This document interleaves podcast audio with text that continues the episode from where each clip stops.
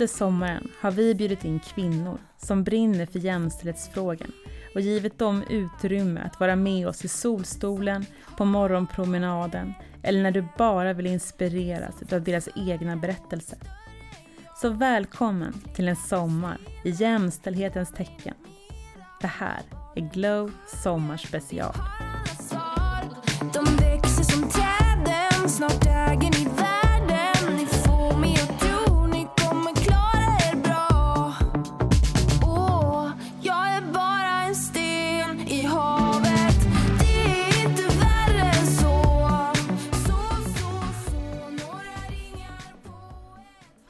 Frida Nordstrand heter jag och jag jobbar som reporter och programledare på TV4 och Simor.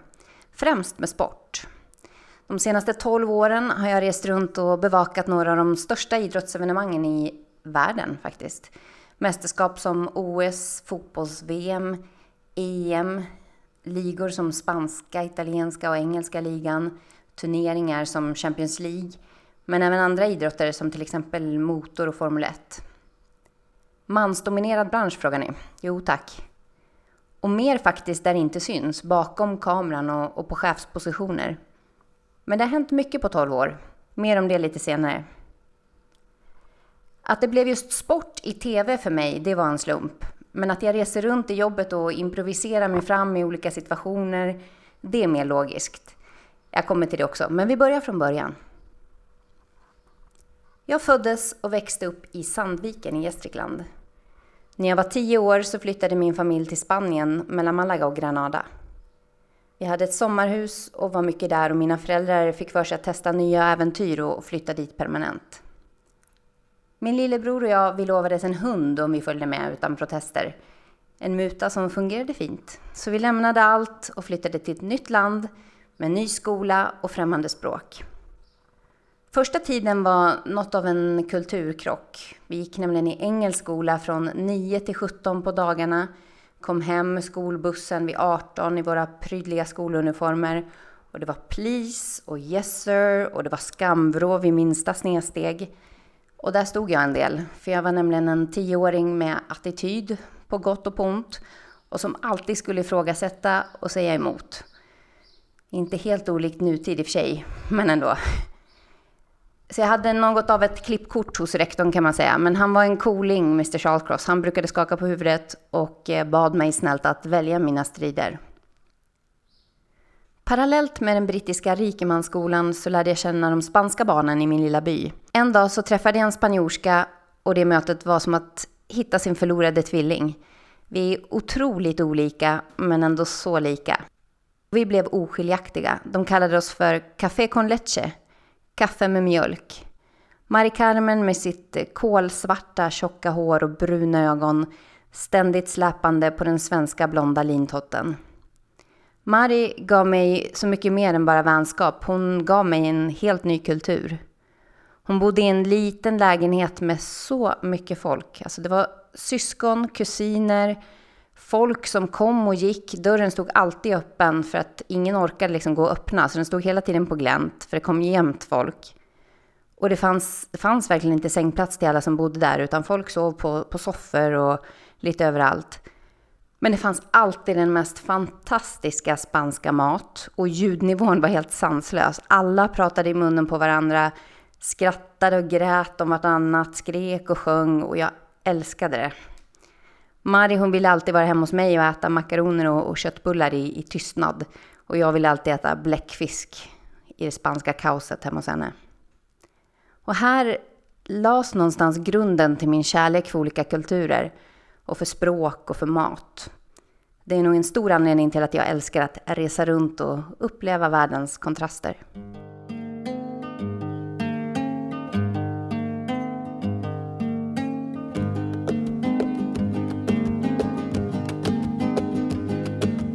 Sé que no vendrás, por eso ya tanto la olvido, dejar un nuevo amor, tanto mejor. Ay, como el mío. Jag bodde i Spanien tills jag började nian. Då flyttade jag ett år till England för att gå på teaterskola. Jag spelade man i en pjäs på skolan i Spanien och efter det så var det en lärare som tipsade mig om att söka dit. Teater och film har alltid varit drömmen sedan jag var liten. Roliga timmen och julshower och, och dramalektioner. Det var där jag, jag levde ut ordentligt. Året i England tog på krafterna, men eh, det stärkte. Eller så var det inte så att man blev starkare utan bara byggde en mur. Det är ju hårfint det där. Men det var ett hårt klimat på landsbygden i England och komma dit som ny tjej från Sverige var inte bara poppis. Jag var på min vakt exakt hela tiden under det året.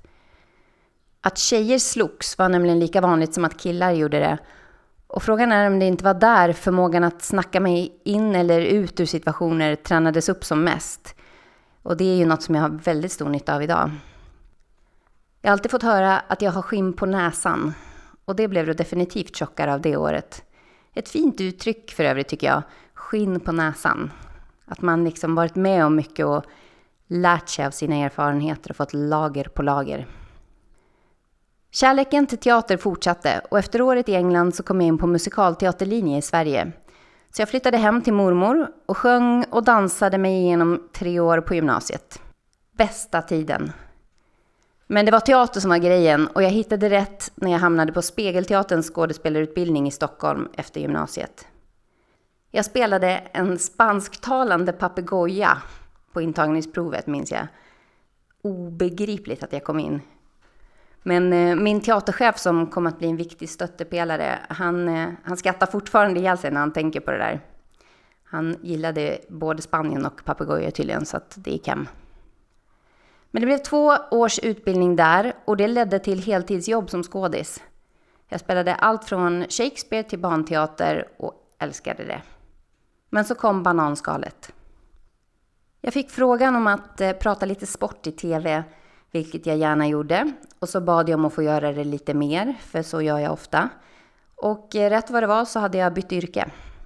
Jag kommer från en sportfamilj och har även utbildning inom personlig träning. Så i början så pratade jag skador och rehab och, och sådana grejer. Och eh, det ledde till lite mera och en projektledare där tipsade mig om att Viasat sökte folk till sina sportsändningar. Så jag sökte och så fick jag det. Och så tog jag tjänstledigt från teatern. Och sen så har jag liksom aldrig gått tillbaka. Faktum är att det ena yrket påminner väldigt mycket om det andra. Jag förmedlar en känsla, jag improviserar, berättar en story. Fast nu är det sportarenorna som är min scen.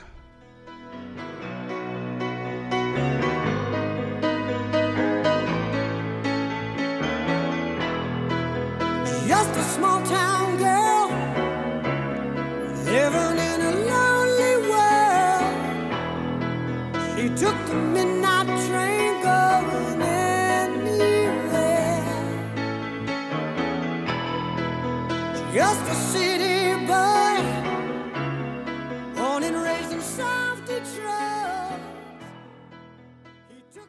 Efter en ganska kort tid på Viasat så framförde jag ett önskemål om att få åka på Champions League, Europas största klubbfotbollsturnering.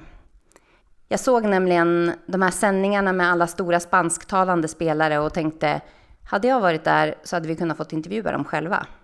Och det var nog ungefär så jag sålde in det också. Jag har nämligen aldrig erbjudits någonting per automatik. Jag har alltid tjatat mig till det. Allt, alltid.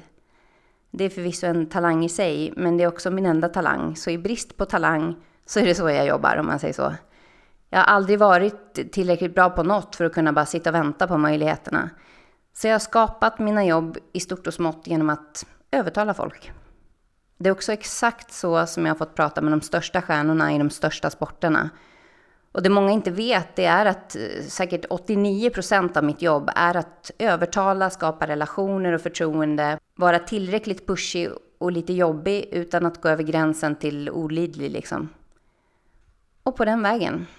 Jag fick åka ut på de stora matcherna och armbåga mig fram till de största spelarintervjuerna. När jag gjorde min första Champions League-match på Camp Nou, Barcelona mot Manchester United, den lilla matchen, den inledde jag med, så var jag ensam tjej. Alla reportrar och journalister på plats var män. Och då tänkte jag, jösses vad jag behövs här. Det skulle visa sig sen att det fanns en dansk kvinna som hade jobbat med motsvarande under lång tid. Och de första åren, då var det hon och jag som åkte runt på Europas största matcher. Och idag så ser det helt annorlunda ut och det är så jäkla kul. Idag är det nästan 50-50 på de största rollerna på de stora matcherna ute i Europa. Det har varit väldigt kul att ta del av. Var det tufft då? Att vara tjej i en så mansdominerad värld? Det är svårt att säga. På ett sätt absolut. Jag menar, självklart. Samtidigt som jag också hade fördel av att jag stack ut i sammanhanget, vilket gjorde att både spelare och presschefer alltid mindes en. Och sen kanske man också behandlades eh, något snällare än flocken av eh, högljudda män, som de ofta var. Eh, men visst har man ju fått sin beskärda del av lilla flicka, klapp på huvudet, nedlåtande, vem tror du att du är, behandling. Självklart. Men faktum är att det har liksom inte riktigt bekommit mig, snarare sporrat. Men sen är det ju alla råd. Alltså råden. Ibland av välvilja, ibland av besserwissrar och åsiktsmaskiner. Men ärligt talat, om jag hade lyssnat på alla råd jag har fått om hur jag bör vara så hade det inte funnits någonting kvar av mig överhuvudtaget. Det vanligaste är eh, ställa de tuffa frågorna. Och nu himlar jag med ögonen, bara så ni vet. Alltså det där är enligt mig det mest överskattade så kallade journalistknep som, som finns.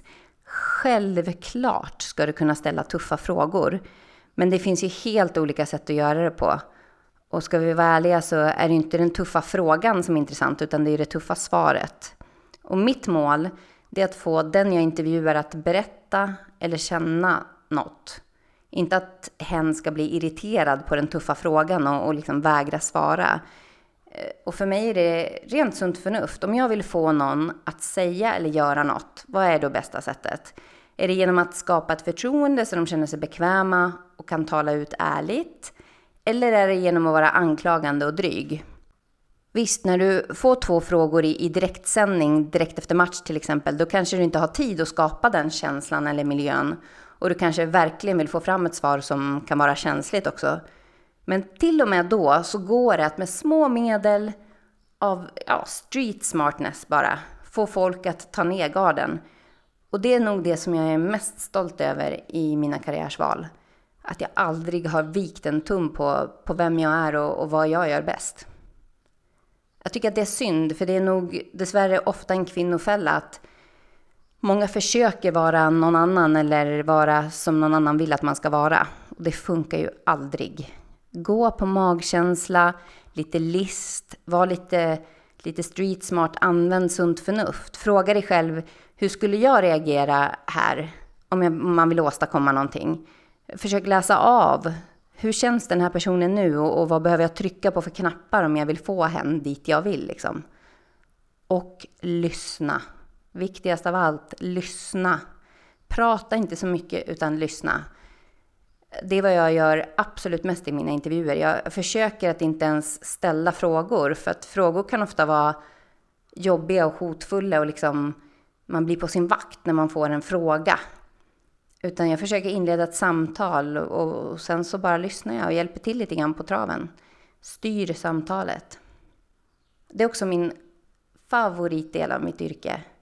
Att komma bakom och, och hitta personen bakom prestationen få fram känslor och tårar och skratt, sanningar.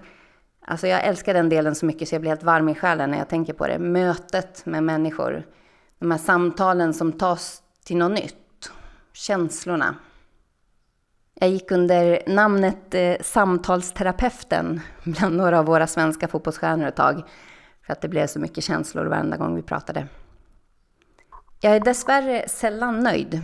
Jag har väldigt höga krav på mig själv och på min omgivning.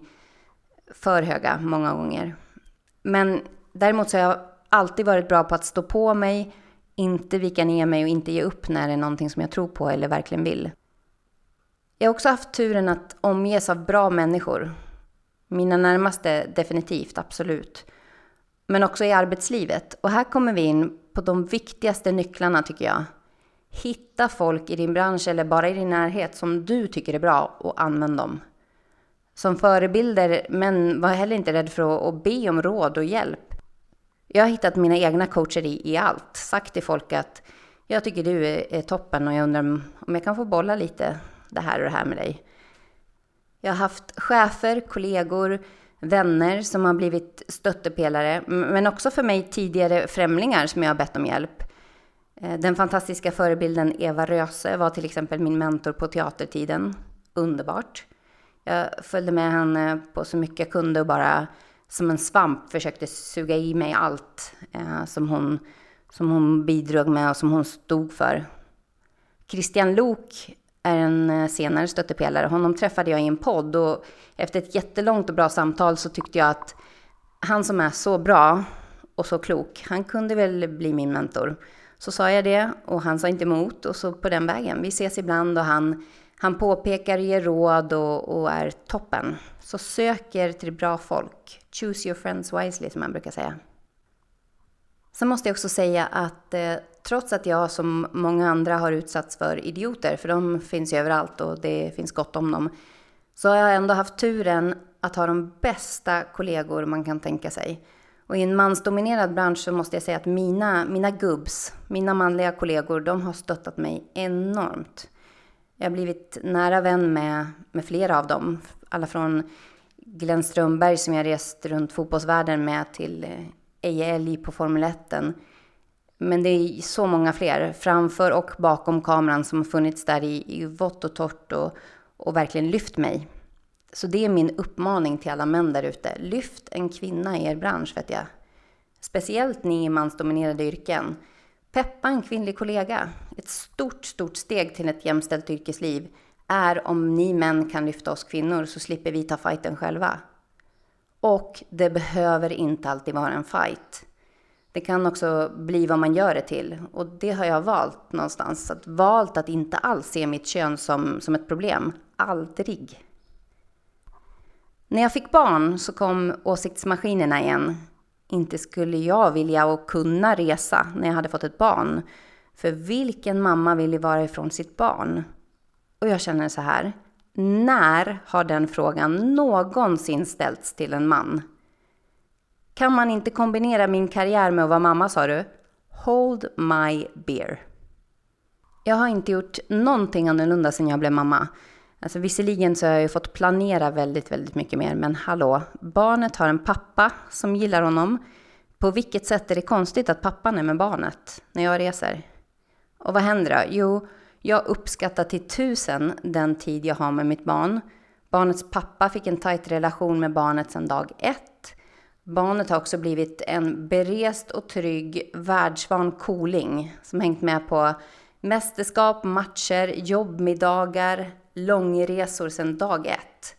Och jag tackar tvivlarna för det. Utan de här så kallade råden som bara har sporrat mig så kanske jag hade varit mer velig. Men nåde den som ska berätta för mig hur jag ska leva mitt liv och uppfostra mitt barn. Jag har tack vare det fått en son som aldrig kommer att tänka att det är någon skillnad på män och kvinnor. Eller på människor och kulturer för den delen heller. Han har lekt med barn i slummen i Brasilien, matats av ryska vakter i UFA. Han har vaggats av eh, Formel 1-förare i Singapore och spelat fotboll med Barca-spelare i Milano. Vi har ju gjort världen tillsammans. Allt handlar i slutändan om balans. Att göra det som är rätt för dig. Lyssna bara på dem som du litar på och allra mest på dig själv. Och så unna dig själv återhämtning, njutning. Var inte för hård mot dig själv. Det är något som jag fortfarande jobbar väldigt mycket på. Om jag nu ska fortsätta ge råd, som ni visserligen inte har bett om, men ändå, så träna. Inget får dig att känna dig starkare än om du faktiskt är stark. Inte smal, utan stark. Jag tränar helst på morgonen och det är mitt bästa tips. Jag, jag, går upp tidigt och så tränar jag och så startar jag dagen stark liksom. Och så har man det gjort och så behöver man inte ens tänka på det. Jag bara går upp och så tränar jag innan jobbet, oftast innan familjen vaknar. Och när alla andra rutiner faller så är träningen min räddning. Och det rensar huvudet och det stärker självkänslan. Mattan har dragits undan för mig många gånger. Livet har rasat och jag har som alla andra mitt bagage, mina sorger. Men något jag har lärt mig och som jag är väldigt glad att veta, det är att när man faller så finns det folk som kommer att plocka upp en. Och det gäller att vårda sina relationer Och att också vara bra på att plocka upp andra när de faller. Lyft någon. En klok kvinna sa till mig att hon ser det som sin skyldighet att lyfta minst hundra andra bra kvinnor. Vilken jäkla bra tanke! Låt oss! Jag lämnar er och tackar för uppmärksamheten med en låt som jag hörde för första gången som ung tjej. Det var då i en reklam för sport-tv ironiskt nog, men lyssna på den här texten. Den har jag nynnat på många gånger när jag behöver peppas. Tack för mig.